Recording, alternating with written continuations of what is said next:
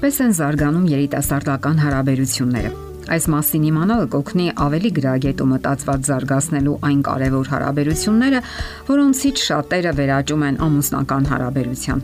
Դուք կարող եք խուսափել շատ սխալներից, որոնք պարզապես չիմացության եւ անտեղյակության արդյունք են։ Հոկեբան Սյուզեն Քեմբելը, ով ուսումնասիրել է հարյուրավոր զույգերի եւ հարցումներ է անցկացրել, հետաքրքիր բարձաբանումներ է արել։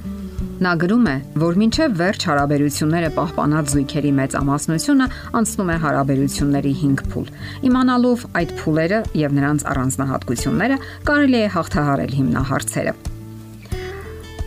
Եվ վերջապես կարելի է նախապատրաստված մոտենալ այդ փուլերին։ Եվ այսպես, որոնք են այդ 5 փուլերը։ Առաջինը խոսենք ռոմանտիզմի մասին։ Ռոմանտիկական փուլը բնորոշում է հարաբերությունների իդեալիստական բնույթը։ Կողմերն այսպես են մտածում. Իմ ընկերը կատարյալ ու եզակի է։ Գտնվելով այս փուլում, կողմերը չեն խորանում միմյանց բնավորության մեջ, Նրանք ուշադրություն չեն դարձնում տարբերությունների վրա եւ ձգտում են գնալ հարաբերությունների խորացման եւ միաձուլման։ Դա այսպես է հնչում. Ես չեմ կարող ապրել առանց քեզ։ Սա վտանգ է, որը սպառնում է հարաբերություններին եւ կարող է հիմնախնդիր առաջացնել ամուսնական կյանքում։ Այստեղ կա մի լավ կողմ, որ երիտասարդները ընդունակ են տեսնելու միմյանց գեղեցիկ ու լավ կողմերը, սակայն վատն այն է, որ այս ամենը հիմնվում է ոչ թե փաստերի, այլ ցանկության վրա։ Այսինքն, իմ երազանքը իրականություն կդառնա, բավական է միայն ցանկանալ։ Դե հասկանալի է, որ միայն ցանկությունը բավական չէ երջանիկ միություն կազմելու համար։ Հաջորդ փուլը կարելի է անվանել պայքար իշխանության համար։ Այս պահը շատ կարևոր է եւ այս փուլը կարող է տարբեր ձևով ընթանալ։ Կողմերը սովորաբար մտածում են, որ իրենց բնավորությունն ու մոտեցումները ամենաճիշտն են։ Անսխալականության այս մարմաճը բնավորության ամենավատ դրսևորումներից է եւ կարող է քայքայել ինչպես երիտասարդական, այնպես էլ ցանկացած այլ հարաբերություն։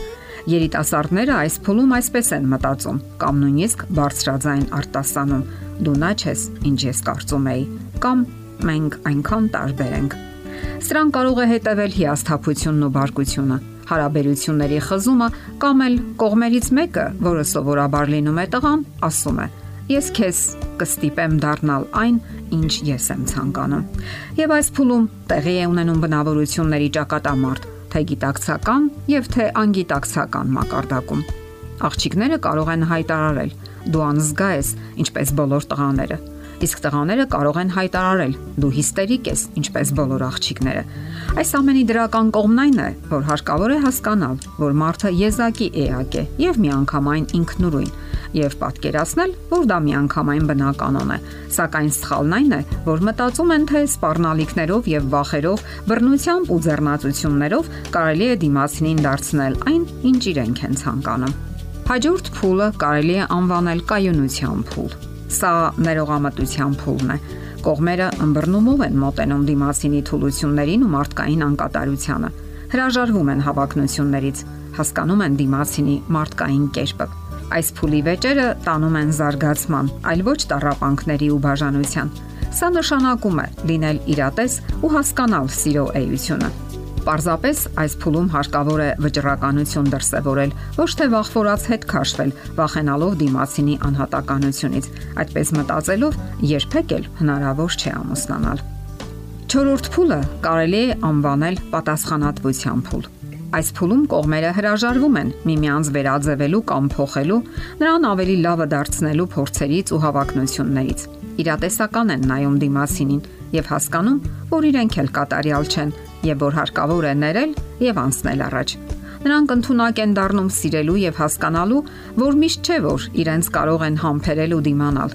Դա սեփական արժեքները քննելու եւ այնտեղ թերություններ գտնելու փուլն է։ Ինչպես նաեւ սեփական արարքները քննելու եւ դրանց համար պատասխանատվություն զգալու փուլը։ Նաեւ դադարում են պայքարել իշխանության համար, հասկանալով, թե ինչքան անիմաստ ու անկարևոր է դա Այդ պատճառով էլ շատ հարցերում գալիս են ընդհանուր հայտարարի։ Այս փուլի լավ կողմն այն է, որ կողմերը պատասխանատվություն են զգում սեփական արարքների համար, իսկ վատն այն է, որ դադարում են հոգալ հարաբերությունների մասին, վստահ լինելով, որ ամեն ինչ հենց այդպես էլ շարունակվելու է, իսկ հարաբերությունները ամեն պահի հարկավոր է կարգավորել ու խնամել։ 5-րդ փուլը կարելի անվանել նոր միության փուլ Այս փուլը միաբանության եւ նոր միություն ստեղծելու փուլն է։ Կողմերը ստեղծագործական մոտեցում են ցուցաբերում իրենց հարաբերություններում եւ համատեղ առաջ ընթանում փորձում են հասկանալ ամուսնական միության եւ առողջ հարաբերություններ հաստատելու կարեւորությունն ու հնարավորությունները։ Ցանկանում են իրենց հնարավորություններն ու ուժերը ներդնել հասարակական կյանքի հնարավոր ոլորտներում ամրապնդել իրենց հետագա ողջ ընթացքը։ Սակայն այստեղ մի վտանգ կա, որ հարկավոր է հաշվի առնել։ Այն է, որ պետք չէ կենտրոնանալ միայն արտաքին աշխարհի վրա, այլ շարունակել սնել ու խնամել ներքին աշխարհն ու հարաբերությունները, շարունակել զգացմունքային սիրո հարաբերությունները։ Եվ ի վերջո, երբեք չկանգնեցնել դրանք որպես ամուսնական հարաբերությունների խիստ կարևոր պայման։ Այս ամենի իմացությունն է այն պայմանը, որը կօգնի ձեզ ճիշտ կառուցել եւ մինչեւ վերջ հասցնել երիտասարդական գեղեցիկ եւ առողջ հարաբերությունները։ Եթերում է ճանապար երկուսով հաղորդաշարը։ Ձեզ հետ է գեղեցիկ Մարտիրոսյանը։